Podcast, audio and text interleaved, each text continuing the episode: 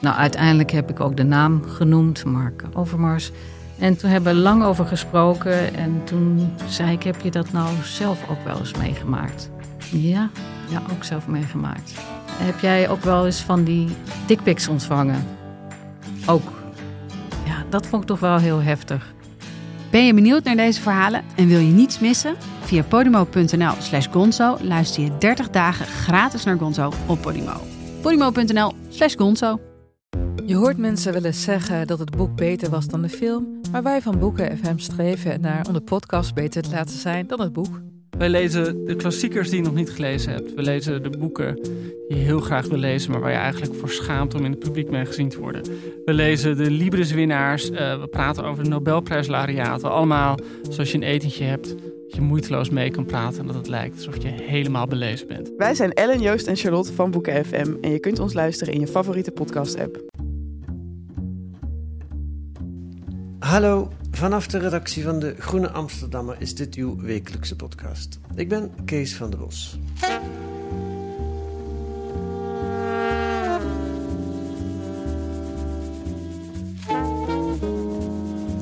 De oorlog van Rusland tegen de Oekraïne verenigt Europa. Er zijn sancties getroffen die nog niet eerder zijn vertoond. Maar het is moeilijk om het Russische geld te lokaliseren. En dat is geen toeval. Daar hebben ze in de Amsterdamse Zuidas jaren aan gewerkt. Het verstoppen van geld is een ambacht dat ze daar weer voor veel geld verkopen. Hoe effectief zijn de sancties? En hoe staat het met het onderzoek naar bedrijven die na de Krimoorlog betrapt zijn op overtredingen van sancties? Daarover deze week schrijven eh, in De Groene Carlijn Kuipers, Simone Peek en Linda van der Pol, alle drie onderzoekers van Investico. Welkom alle drie. Dank je. Dank je. Ehm, ik wil beginnen met, voordat we over jullie artikel gaan praten, met een heel andere vraag. Naar aanleiding van de gebeurtenissen in de Oekraïne vraag ik me af, jullie zijn wat jonger dan ik. Zijn jullie bang? Nou, ik merkte wel dat ik de hele afgelopen week of twee weken zijn het inmiddels al zo, zo'n onrust had. Ik moet steeds in de gaten houden wat er gebeurt. Dan komt er ook nog doorheen van hoe moeten we hier journalistiek iets mee? Wat voor onderzoeken moeten we doen? En ik denk dat die onrust, ja, niet, niet direct met persoonlijke angst, maar wel een onrust van wat, wat betekent het allemaal? Wat gebeurt er en wat, wat naar? Dat, Ja. dat had ik persoonlijk wel. Ja. Ik denk dat de uitkomst heel onzeker is, dus ik ben wel bezorgd. Ja. Ik weet niet of ik bang ben, En maar Eh, ik, van, van leeftijdgenoten hoor ik dat ze s'nachts echt wakker liggen. Heb je, Linda, heb jij dat ook bijvoorbeeld? Eh, ik niet, maar ik hoor het heel veel van in mijn omgeving inderdaad. Veel vrienden die ook daadwerkelijk eh, nachtmerries hebben over deze oorlog. Oké, Ja. ook van leeftijdsgenoten. Ja, zeker, juist van leeftijdsgenoten. Ah, ja. Want ik vroeg me af of dat misschien niet aan de ouderen was voorbehouden, maar dat is dus niet zo. heb jij nachtmerries, Kees? Nee. Oké. nee, ik maak me net als Carlijn en dat is jullie allemaal wel grote zorgen. Ehm, ja, en de grootste zorg is natuurlijk dat er nucleair iets gaat gebeuren, afgezien van de ellende in de, in de Oekraïne. Eh, dus ik volg het wel heel, heel eh, erg allemaal, veel intensief, maar ik lig er niet wakker van. Maar ik vroeg me af hoe dat bij jullie was. Maar dat komt zo'n beetje overeen, als ik het zo goed inschat. Ehm, en dan nog een hele andere vraag aan Simone en Linda. Ik hoor dat jullie Russisch spreken. Dat is vrij bijzonder. Of niet? Ik wil antwoorden met da. Als in, ja, we spreken Russisch, maar of het bijzonder is, weet ik niet. Er zijn een heleboel Russen. Ja, ja, ja, ja, maar voor een, voor een. Nederlandse journalist. Hoe, hoe, hoe, hoe heb jij het geleerd? Ik heb het geleerd ehm, op de universiteit. Heb ik een minor gedaan. En toen heb ik ook nog in Rusland zelf, in Kazan, gestudeerd. Taalverwerving voor buitenlanders. In Kazan, is dat een... Een, eh, een, eh, Een stad. Stad. Ja, een stad in Rusland. Oké. Ehm, en toen heb ik er nog eh, een tijdje gewoond. Eh, en eigenlijk heb ik het daar nog het meest van geleerd. Gewoon dat je alle dagelijkse zaken moet regelen in het Russisch. Ja. Zoals je internetaansluiting. Ja, precies. Ik zal meteen toegeven dat ik niet het taalniveau haal eh, wat Simone haalt. Nee. Ehm, eh, maar ik heb wel eh, vrij veel tijd gespendeerd in Rusland. Ik heb daar eh, wetenschappelijk onderzoek gedaan. Ehm, en zo gaandeweg eh het Russisch opgepikt. Veel lessen genomen, et cetera. Oké, grappig. En, en, en dat betekent misschien ook nog een, een extra verbondenheid met wat er nu gebeurt? Ontzettend, ja. ja. Ja. Ik heb voorheen onderzoek gedaan naar de Krim. Ja? Eh, met name ook de annexatie van de Krim en wat dat voor gevolgen had voor het cultureel erfgoed op de Krim, omdat dat opeens een hele andere politieke lading kreeg. Ja. Ehm, dus ja, ik voel me zeker heel verbonden met, ehm, ja, met de oorlog die nu gaande is. ja. Ja. Hebben jullie nog gewoon mailcontacten of anderszins met vrienden, vriendinnen in, in Rusland? Wat, wat hoor je daarvan? Ja, ik heb een, een vriend in, eh, in Kiev die nou ja, zich heel erg uh, houdt. Die wil niet vechten. Mm, maar die kan ook niet weg. Als man kan je niet weg. Het kan het land niet uit. Dus hij zit daar uh, thuis in een flatje met een hondje in Kiev te hopen dat er geen bommen op hem vallen. Want als hij naar buiten gaat, loopt hij het risico dat hij uh, te horen krijgt dat hij in het leger moet?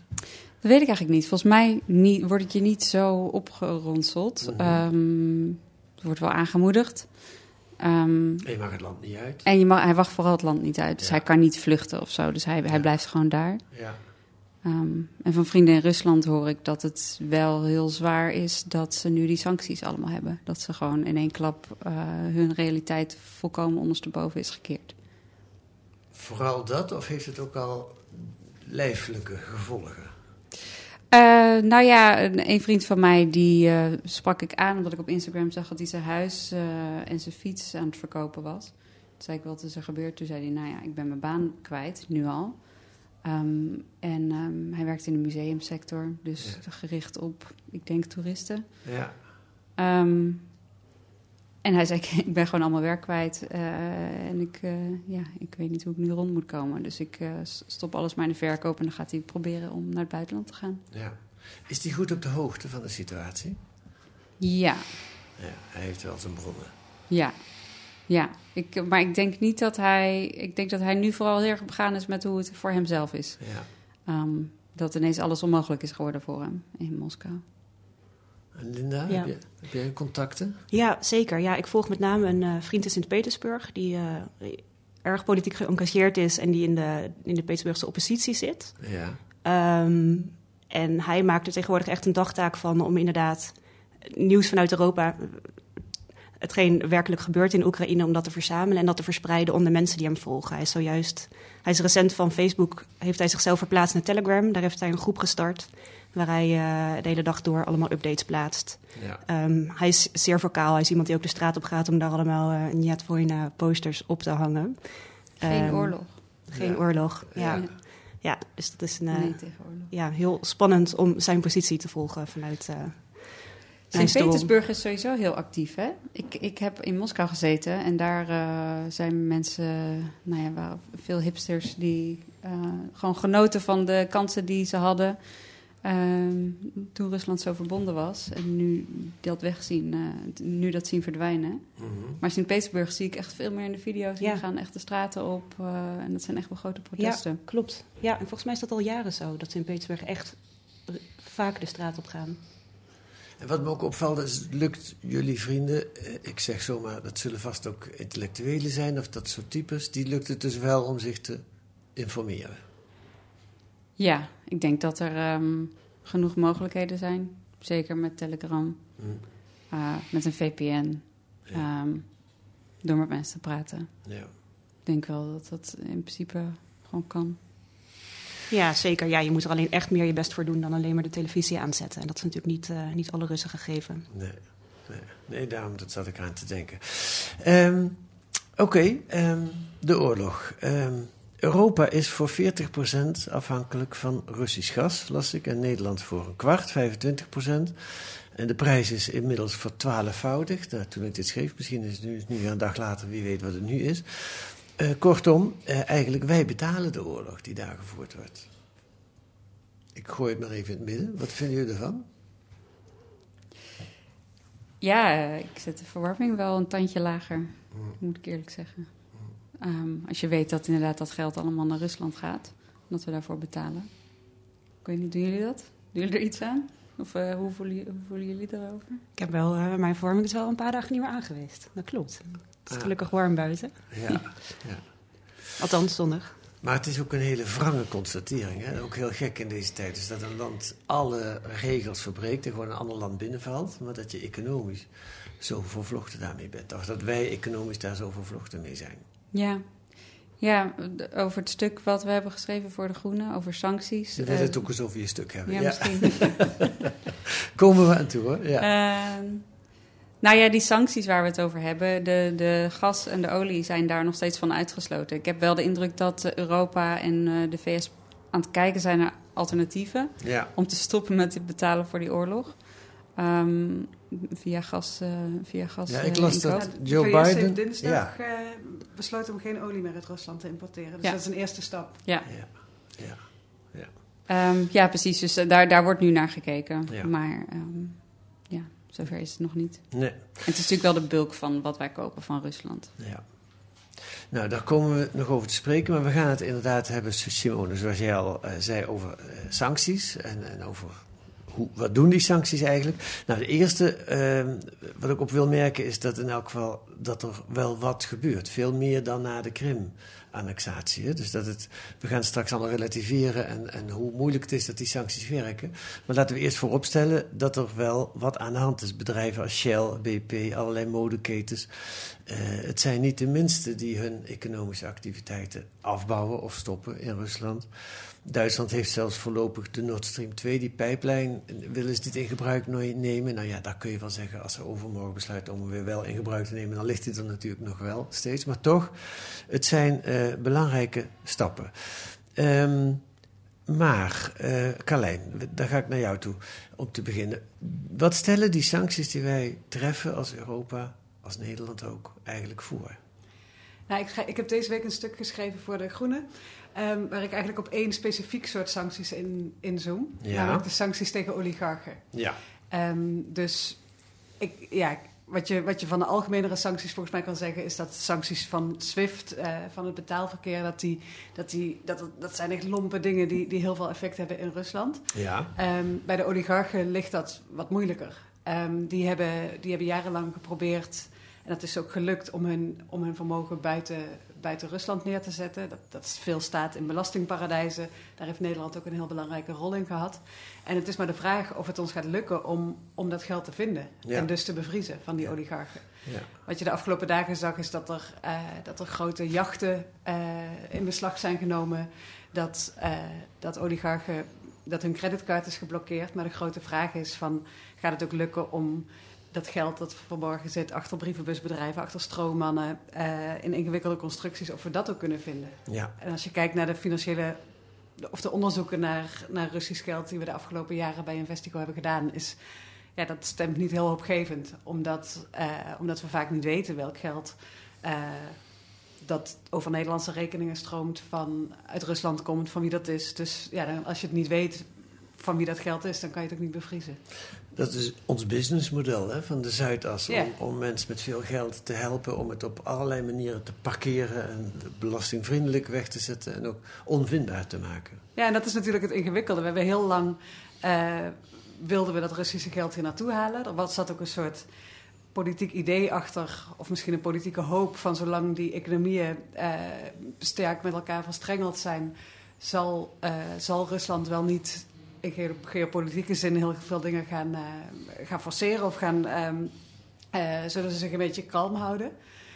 En het is eigenlijk gebleken dat dat niet werkt. Nee. Ehm, en nu is het moeilijk om, om die financiële sector weer te ontvlechten. En hebben we dus eigenlijk last van, van dat we jarenlang zo actief waren om dat geld binnen te halen. Dat Ja. maakt nu dat, dat die sancties minder makkelijk toe te passen zijn. Ja, want ja, neem eh, Roman Abramovic, de, de, eh, een rijk vriendje van Poetin. eh, die amuseerde zich tot voor kort met de Engelse voetbalclub Chelsea. Hè. Die was voor hem, heeft hij nu te koop gezet. Die had, las ik in een eerder artikel van jou en Anouk eh Kootstra, had tot, tot 2017 wel tien rekeningen bij de ING hier in, Nederland. Voor zichzelf en zijn brievenbusfirma's, terwijl die helemaal niet in Nederland zit. En daar ging in 2016 flitste daar 1,3 miljard euro rond. eh, via en eh, weer terug van de Maagdeneilanden. En dat is een gekende truc om geld moeilijk vindbaar te maken. Ja, dat is het. En ehm, het opvallende is, kijk, banken die kunnen eigenlijk al jaren, is het, ja, hoe moet ik dat nou zeggen? Wat wil je Eh, zeggen? ik wilde zeggen, Bang, ja, ik zit, ik zit te, te, eh, eh, te stotteren omdat Abramovic nogal eh, journalisten aanklaagt. Dus ik moet even voorzichtig formuleren. Pas, pas op je woorden. Ja. Ehm, banken moeten zorgen dat ze, dat ze crimineel geld buiten de deur houden. En in die zin is Abramovic echt al jaren een risicovolle klant. ja, Klant, klant. Omdat eh Zwitserse krant schreef al dat, dat hij door de Zwitserse politie in verband is gebracht met, met witwassen. Ehm, een Labour-lid van het Britse parlement zei hetzelfde vorige week nog. Ehm, dus het is en ten eerste de vraag van waarom had ING die klant tot 2017 überhaupt? Hij had niks in Nederland, hij had hier eigenlijk niks te zoeken behalve die bankrekening. Ehm, dus dat laat ons zien dat banken toen ook al weinig bezig waren of weinig zicht hadden op, op wie hun klanten nou precies waren. Mhm. Ehm, en ja, kijk, we kunnen wel hopen dat dat allemaal heel erg verbeterd is de afgelopen vijf jaar. Banken hebben ook wel wat verbeterd, maar eh, ik denk dat er van heel veel geld dat ze nog steeds niet weten van wie het precies is, waar het Nee. vandaan komt. Nee. Nee, ik herinner me van het artikel van jullie twee jaar geleden, anderhalf jaar geleden. Ja, twee jaar geleden. Ehm, dat de banken, naar aanleiding van jullie onderzoeken en ook al de eerdere signalen, ze, de ING heeft een schikking moeten treffen met het OM van 775 miljoen, nou dat, dat is toch geen klein bier, dat ze wel degelijk bezig zijn om hun regelingen te verbeteren, maar dat je er eigenlijk, en zij ook niet, niet echt goed zicht op hebben wat voor effect dat heeft. Nee, en dat is het ingewikkelde. Van banken hebben jarenlang klanten aangenomen zonder dat ze goed wisten wie die, wie die klanten waren. En ze hebben nu dus een enorme erfenis uit het verleden van ja, geld dat een beetje een onduidelijke oorsprong heeft, een klant die niet duidelijk is. Ehm, en dat, ze zijn wel bezig om dat, om dat terug te dringen, maar Ja. er stroomt zoveel geld doorheen. Het zijn zoveel bedrijven en namen dat dat echt moeilijk is. En ehm, kijk, voor ING en ABN in Nederland is het nog tot daaraan toe. Maar dan heb je ook nog allemaal buitenlandse kantoren. We hebben in een ander onderzoek zagen we bijvoorbeeld dat ING in Polen ehm, echt miljarden aan Russisch geld Ja, dat was een Eh, grote door risicofactor. de bank liet gaan. Dus, Ja. En dat is, dat is wat bij heel veel Europese banken speelt. Dat ze het op hun hoofdkantoor of in het land waar ze gevestigd zijn, dat, dat, dat, dat lukt nog wel. Maar al die kantoortjes in het buitenland, in, in Polen, Zwitserland, Estland, dat zijn, die zijn echt, echt nog heel moeilijk om Ja. eh, daar al het geld op te sporen. En jullie baseerden je toen op de FinCEN Papers. Dat was een, een lek van een financiële autoriteit in de Verenigde Staten. Ja. Ehm, en wat ik me afvraag, dus de- daardoor konden jullie heel goed gedocumenteerd een heleboel van die geldbewegingen in, in, eh, in beeld brengen. Ja. Wat heeft het nou voor gevolgen gehad, dat artikel? De- de- wat is er daarna gebeurd? Nou, de klokkenluider is de gevangenis ingegaan. Is dat zo? Ja, dat is echt waar. Degene Ehm, die de, de, de, de, de, de USB-stick mee- meegenomen heeft met al die Ja, eh, Ja. rapporten. Ja, zij, had, ehm, zij werkte bij, moet ik het even goed zeggen, zij, volgens mij werkte zij bij, bij FinCEN, dus bij de Amerikaanse autoriteit die verdachte transacties moet, ehm, waar banken dat moeten melden. Ja. En zij zag zoveel ehm, problematische dingen voorbij komen dat zij uiteindelijk besloot om dat aan journalisten te geven. Mhm. Ehm, en uiteindelijk is, ze is ze veroordeeld tot volgens mij een jaar gevangenisstraf of zo. Volgens mij is ze inmiddels weer vrij. Ehm, maar dat is er gebeurd. Ze hebben haar gevonden. Ja, Ja, Ja, jammer. Ja. zoals het vaak met klokkenleiders toch ja, niet helemaal goed afloopt. ja. Oké. Voel je daar als organisatie dan schuldig over? Ehm, nou, schuldig niet, maar wel een beetje verantwoordelijk of zo. Kijk, ik, ik vind dat. dat ehm, ja, het is een beetje. De, kijk, ehm, zij lekte aan, de, aan BuzzFeed. En ik weet niet precies hoe het komt dat, dat ze, dat ze hebben, haar identiteit hebben ontdekt. Maar dat wil je natuurlijk als journalist altijd voorkomen. En als je daar iets van een rol in hebt gehad, dan, ja, dan neem ik aan dat je je schuldig voelt. Ja. Ehm, maar wij, hadden, wij waren eigenlijk een stap daarna. Die, die documenten die waren al aan Asia J gegeven, die zijn toen met ons gedeeld. En- ICIJ, een internationale Oh, sorry. Ja. club van eh, onderzoeksjournalisten. ja, Ja. ehm, dus ik voelde me dan niet schuldig, maar ik dacht wel, we moeten nu echt het, het allermeest uit deze papers halen. Want dan, dan heeft het op zijn minst nog zin gehad. ja. Want jij Ja. wist ook niet bij wie die papers uiteindelijk vandaan kwamen, toch? Nee, Nee, jullie, Nee. jullie kregen van BuzzFeed. En BuzzFeed is een... een Amerikaanse nieuwswebsite. Ja, Ja. ja, ja. Ja, dus je, dat scheelt natuurlijk dat je persoonlijk geen contact met de, met de klokkenluider hebt Ja. gehad. ja. En je vroeg naar verdere gevolgen. Ja, Ehm, de banken hebben ze het allemaal centen allemaal helemaal anders gaan doen naar jullie artikel. Nou, kijk, dus, die onderzoeken van het Openbaar Ministerie. Er is een, eh, een zaak geweest tegen ING, een zaak tegen ABN. Ehm, ja, dat heeft er wel voor gezorgd dat banken meer zijn gaan investeren in anti-witwasdingen en het beter controleren van, van betalingen. Ehm, misschien dat het door die Vincent Files nog iets meer is geworden, maar Ja. ik, ik weet zo niet direct de gevolgen als gevolg van, eh, van die onthullingen. Nee. Nee. We gaan naar eh, Simone en Linda toe en dat doe ik eerst met een fragment. Добрый день, дорогие друзья. У нас сегодня с вами приятное и очень важное событие. Оно важно и для Крыма, для Севастополя, для всего юга России, да, и для всей нашей страны. Потому что, безусловно, такие объекты инфраструктурного характера, как такой грандиозный мост, который вы построили, будет влиять на всю экономику. Людей, которые приехали со всей страны, от Дальнего Востока и кончая европейской частью. Поздравляю вас с этим событием. Всего вам доброго, новых успехов и с Новым годом! Iedereen geluk, alles goeds en een gelukkig nieuwjaar zelfs. Gelukkig nieuwjaar zelfs. Toch? Ja. Dit was eh, Poetin hè? Eh, in Ja. 2018 bij de opening van de Krimbrug. Eh, wat zei u, behalve gelukkig nieuwjaar en iedereen gefeliciteerd. Dat was ook wel een beetje zo de kern of zei u nog iets anders? Ja, eh, dat fantastische brug hebben ze gebouwd eh, bij de opening. Ja, dat is ook wel zo. Hè? Ja, De, langste brug. Niemand dacht dat ze het zouden kunnen. Nee, nee, de langste brug ter wereld. Van Europa. Oh, van Europa. Ja. Aha, Linda is dat. Ehm, en Linda, nu eh, ga ik ook met je door. Als het aan, als Nederlandse bedrijven er niet aan hadden meegewerkt aan die brug, dan had hij dan niet gelegen. hè? Ja, dat is althans wat, wat ehm, een jurist die wij spraken eh, eh, vrij stellig eh, wist te zeggen, inderdaad. Ja. Ehm, ja, kijk, Nederlandse ingenieurs die zijn natuurlijk eh, befaamd om hun waterwerken. En onze, ehm, ja, onze Nederlandse suppliers. En inderdaad, ja, er zijn ontzettend belangrijke elementen voor de- deze brug. Die zijn geleverd vanuit Nederland. Ja, behalve, behalve de Zuidas kunnen we dat ook goed in Nederland. Het was een, een, een eh, scoop van de Gelderlanden, volgens mij. Hè? Die, hebben, die onthulden dat een aantal Gelderse bedrijven eh, de sancties die ook ingesteld zijn na de, de verovering van de Krim door eh, Rusland, zijn overtreden.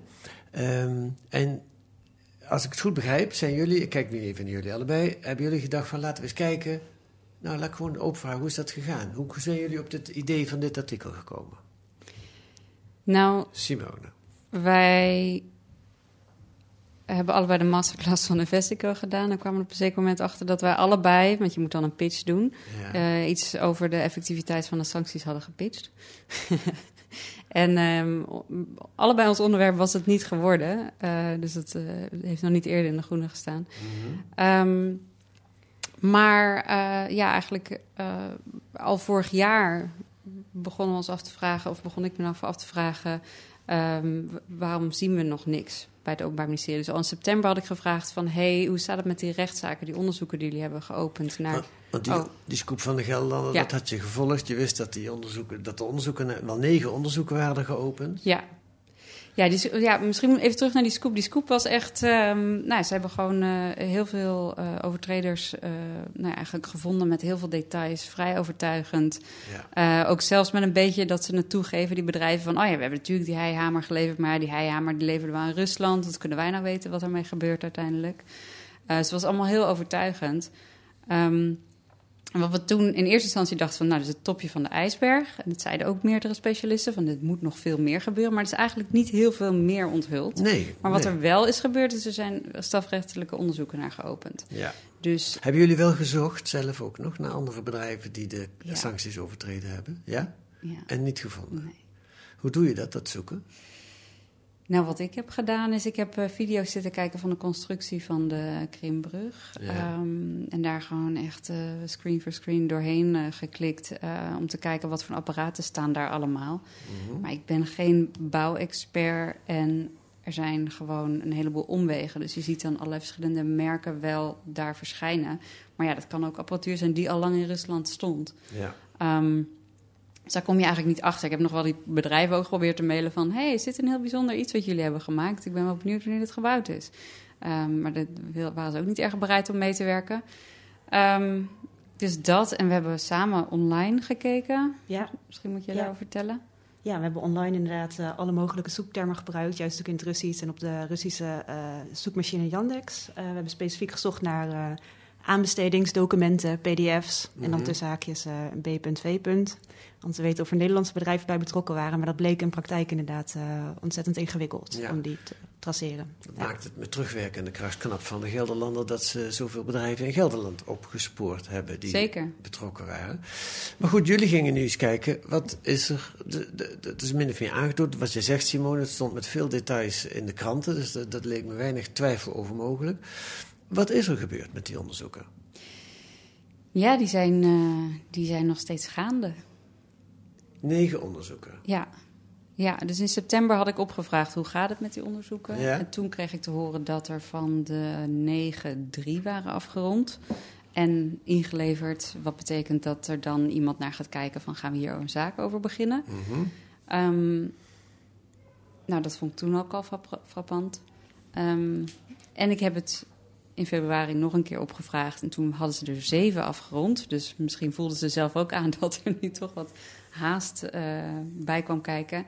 Ehm, maar zelfs die waren nog niet ingeleverd. Nee. Eh, of eh, zeg maar niet beoordeeld. Dus Nee. het is nog steeds niet duidelijk... gaat daar een strafrechtelijk... of gaat daar een strafzaak uitkomen? Ehm, of wordt het geseponeerd? En ondertussen hangt dat... Ja, dat, dat hangt gewoon nog Ja. steeds. Ja, nou is het op zich niet leuk, maar wel vrij gebruikelijk bij het OM dat zaken, ook als een onderzoek afgerond is, dat ze op de een of andere manier toch vaak lang over doen om dan te besluiten, gaan we er wel of niet eh, een zaak van maken. Ehm, Maar dit is, ik bedoel, de, deze bijdrage aan de bouw van de Krimbrug gebeurde in 2015 en 2016. Dat Ja. is echt heel lang geleden. ja, De onthullingen kwamen uit 2018. ja, Ehm, die onderzoeken werden toen meteen geopend. Ik bedoel, we hebben het wel echt over een hele lange tijd die Ja. ze er nu al over doen om te bedenken of dit nou strafbaar was of niet. ik begreep dat een van de bedrijven die jullie spraken het zelf ook niet meer leuk vonden, dat het boven hun hoofd hangt. Hè? Ja, ja die zei ik wil dat gewoon heel graag afgerond hebben. Ja, Eh, en zij zijn, dat was trouwens het enige bedrijf dat ook in een jaarverslagen schreef van eh, dit speelt nog. ja, ja. Al die andere bedrijven die moffelen het een beetje weg. Maar deze, die, ja, die, ja, die, normaal gesproken reserveer je dan bijvoorbeeld een bepaald bedrag. Dat geef je dan in je jaarverslagen weer. Ehm, als je denkt dat je, dat je een boete boven het hoofd hangt. Maar er staat er ook, elk jaar staat er... eh, we weten ook niet om hoeveel Ja. geld het gaat. We weten niet eens of het wel een zaak wordt. Ja, ja. Nou, dat is, dat is, ja, dan worden er eens mensen gepakt, of tenminste eh, eh, onderzocht, en dan gaat het op deze manier. Linda, ik kijk naar jou. Is dit, hoe uitzonderlijk is dit? Zowel bedoel ik dan eigenlijk, hoe uitzonderlijk is het dat er, bedrijf, dat er zaken begin, begonnen worden, maar ook hoe uitzonderlijk is het dat het dan niet, vooralsnog niet tot een vervolging komt? Nou, er zijn op Europees niveau vrij veel eh, andere bedrijven, vaak multinationals, in verband gebracht met de Krim. Mhm. Ehm, Duitse Siemens bijvoorbeeld, daarvan eh, verschenen een aantal jaar geleden opeens gasturbines op de Krim. Ehm, afgelopen jaar, in 2021, toen werd er een, eh, een nieuwe waterinstallatie op de Krim onthuld. En daar waren pompen van gebruikt van eh, Siemens opnieuw samen met Grundfos, een Deens bedrijf. Ehm, verder zijn er nog wat eh, Europese supermarkten die nog een filiaal hebben op de Krim. DHL die doet er nog handel. Hm. Maar voor zover wij konden nagaan, we hebben ook navraag gedaan met veel Europese autoriteiten in onze omliggende landen, ehm, is er eigenlijk nooit een zaak gevoerd. Nee. En jullie hebben ook gesproken met een advocaat en met een, een, een- iemand die gespecialiseerd is op sancties. En wat is het beeld wat die geven? Nou, ehm, we hebben één iemand specifiek gesproken, alleen over de Linde. Zij promoveert in, eh, aan de Rijksuniversiteit Groningen op sancties tegen Oekraïne, Rusland en, ehm, de, en Belarus, denk ik. Mhm. Ja, Rusland, eh, Oost-Oekraïne en de Krim. Ja. Ja, ja en Si- Simone die heeft daar eerder gesproken, een paar jaar geleden. En toen was zij nog vrij hoopvol over eh, de sancties en de navolging daarvan, omdat die sancties ontzettend breed zijn opgetekend. Ja. Dus je mag als Nederlands bedrijf mag je niet direct handelen met de Krim, maar je mag ook niet iets verkopen aan een Russisch bedrijf dat het vervolgens weer doorvoert naar de Krim. Dus eigenlijk al die, ehm, al die omwegen die zijn ook afgekaart. Ja. Ehm, dus zij had heel veel vertrouwen dat deze zaken snel afgekaart zouden worden. Juist ook omdat zij verwachtte dat het OM een, ehm, een signaal wilde afgeven. handel niet met de Krim, want dan hangt je iets boven het hoofd. Ja. Ehm, dus zij is, zij is vrij teleurgesteld dat er nu nog steeds geen, eh, geen zaken gevoerd zijn. ja, dat die signalen niet gekomen Mhm. zijn. En hetzelfde speelt eigenlijk in de financiële sector. In de VS worden banken heel erg, eh, krijgen enorme boetes voor het schenden van sancties, maar in Europa nauwelijks. Terwijl hier ook sancties, ja, financiële sancties gelden tegen eh, Russische bedrijven vanwege de annexatie van de Krim. Dus daar zie je een beetje hetzelfde. Mhm. Ja. Wat, ik- wat mij ook opviel trouwens daarover is dat ehm, ik probeerde erachter te komen wat de boete zou zijn. Dus dat kwam me uiteindelijk tegen in de wet. Ehm, maar je hebt zo'n een- zo'n loket vanuit de overheid dat georganiseerd ehm, voor ondernemers die zaken willen doen met Rusland. Van nou ja, wat zijn de risico's, wat mag niet. Maar er staat ook nergens van je riskeert een boete van Ja. of zo. Dus het is helemaal niet die afschrikkende, eh, ja, Ja. afschrikkende werking Ja. van zo'n boete. Dat, dat, dat, wordt, dat wordt helemaal niet hier meegenomen. Ja. Het enige verschil met wat je mag hopen met de Krim en nu eh, is dat de, vanuit Oekraïne eh, was het de Krim ook al heel verschrikkelijk, maar dat er nu wel een veel breder gedeelde verontwaardiging is, ook in het bedrijfsleven. Maar ja, van de andere kant mag je je afvragen hoe, hoe zal het over een paar maanden zijn en als er weer gewoon bedrijfsresultaten gehaald moeten worden.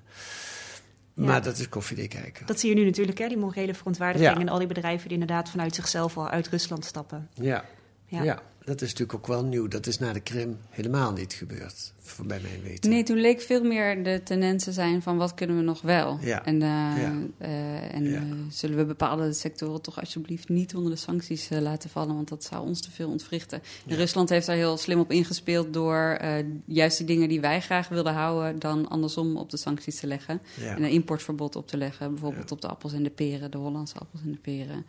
Ehm, en zo nog wat eh, nationale trotsen van Europese landen.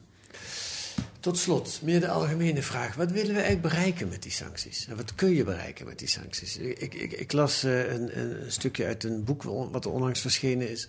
En dat, dat had als conclusie van... het wordt steeds meer gebruikt door, eh, door westerse landen met name. Terwijl eigenlijk volslagen onduidelijk is... of nou, laat ik het anders zeggen... in die conclusie stond eigenlijk scherper geformuleerd. Terwijl vooral de mensen in het land er veel last van hebben. Welk boek Er was stond laatst ook een stuk over in de Oh. Groene. Van eh Rutger van der Hoeven, toch? Dat heb ik gemist, maar vertel. Nou, dat was een, eh, een, volgens mij een interview met een auteur van een boek over sancties. Dus misschien hebben we het over hetzelfde boek. maar dat ging inderdaad over... ehm, eh, volgens mij dat het, dat het niet heel duidelijk is wat we, wat we willen bereiken met sancties. Dat ze steeds eh, populairder worden als middel om naar te grijpen om, om eh, iets voor elkaar te krijgen. En dat het Mhm. inderdaad gewoon de economie eh, en armer maakt en ongelijker. Ja. Ja, ja wat, wat erg tot de verbeelding spreekt zijn die jachten van die oligarchen. Ja. Het, schijnt nu erg druk te zijn op de Malediven met die, eh, met die jachten, want Ja. daar eh, doen ze niet aan sancties. Ehm, nou, dat is leuk, denk ik, dat dat gebeurt, maar is het niet vooral psychologie? Ja, ik sprak een onderzoeker die heeft, eh, is gepromoveerd op, op sancties. Ja. Ehm, David Balentek, als ik het goed uitspreek. En hij zei, een heel groot onderdeel van eh, sancties tegen oligarchen... is ook gewoon het publiek willen laten zien van we doen echt iets. En we pakken de foute rikken en zo. Ehm, en die jachten, die, die, die, die spreken tot de verbeelding, dus, dus dat lukt. Ehm, maar het, was mij bij de, het, is, het is eigenlijk bij de sancties tegen de oligarchen onduidelijk wat we nou willen bereiken. Of we ehm, de oligarchen willen raken met hun, met hun jachten en, ehm, en hun, ja, hun levensstijl. Dat ze niet Ja. meer helemaal de wereld over kunnen reizen en dat ze dat gebruiken om Poetin onder druk te zetten. Of dat we willen dat, dat, dat hun geld echt bevroren wordt, zodat Poetin die een beetje kan beschikken over dat wat de oligarchen bezitten, dat geld niet kan gebruiken om de oorlog te financieren. Hm. Eigenlijk is, is het onduidelijk wat die twee dingen, eh, welke van die twee het doel is. Misschien allebei, Ehm, dat, weet, Ja. ja. dat weten we niet precies. Ehm, maar ik, ik citeer in het stuk ook een, een, een Russische politicoloog die zegt, nou, die oligarchen zijn zo afhankelijk geweest van Poetin dat ze nu niet zomaar eh, eh, hem onder druk kunnen zetten om, om van gedachten te wisselen of eh, van gedachten te veranderen. En eh, ja, het pakken van die, van die potten geld, dat is moeilijk omdat die zo goed verstopt zitten. De komende maanden zal, eh, komen we er misschien meer achter wat eh, ook het Oekraïnse militaire verzet teweeg brengt, hoe lang ze stand houden, maar ook wat eventuele sancties eh, eh, voor gevolg hebben in, in Rusland en of ze enige werking hebben. Mag ik jullie alle drie, Si- Simone Peek, Linda van der Pol en Carlijn Kuipers, danken voor dit gesprek. En dan moet je eigenlijk niet alleen schudden, maar dan moet je ook. Oh ja. Graag gedaan.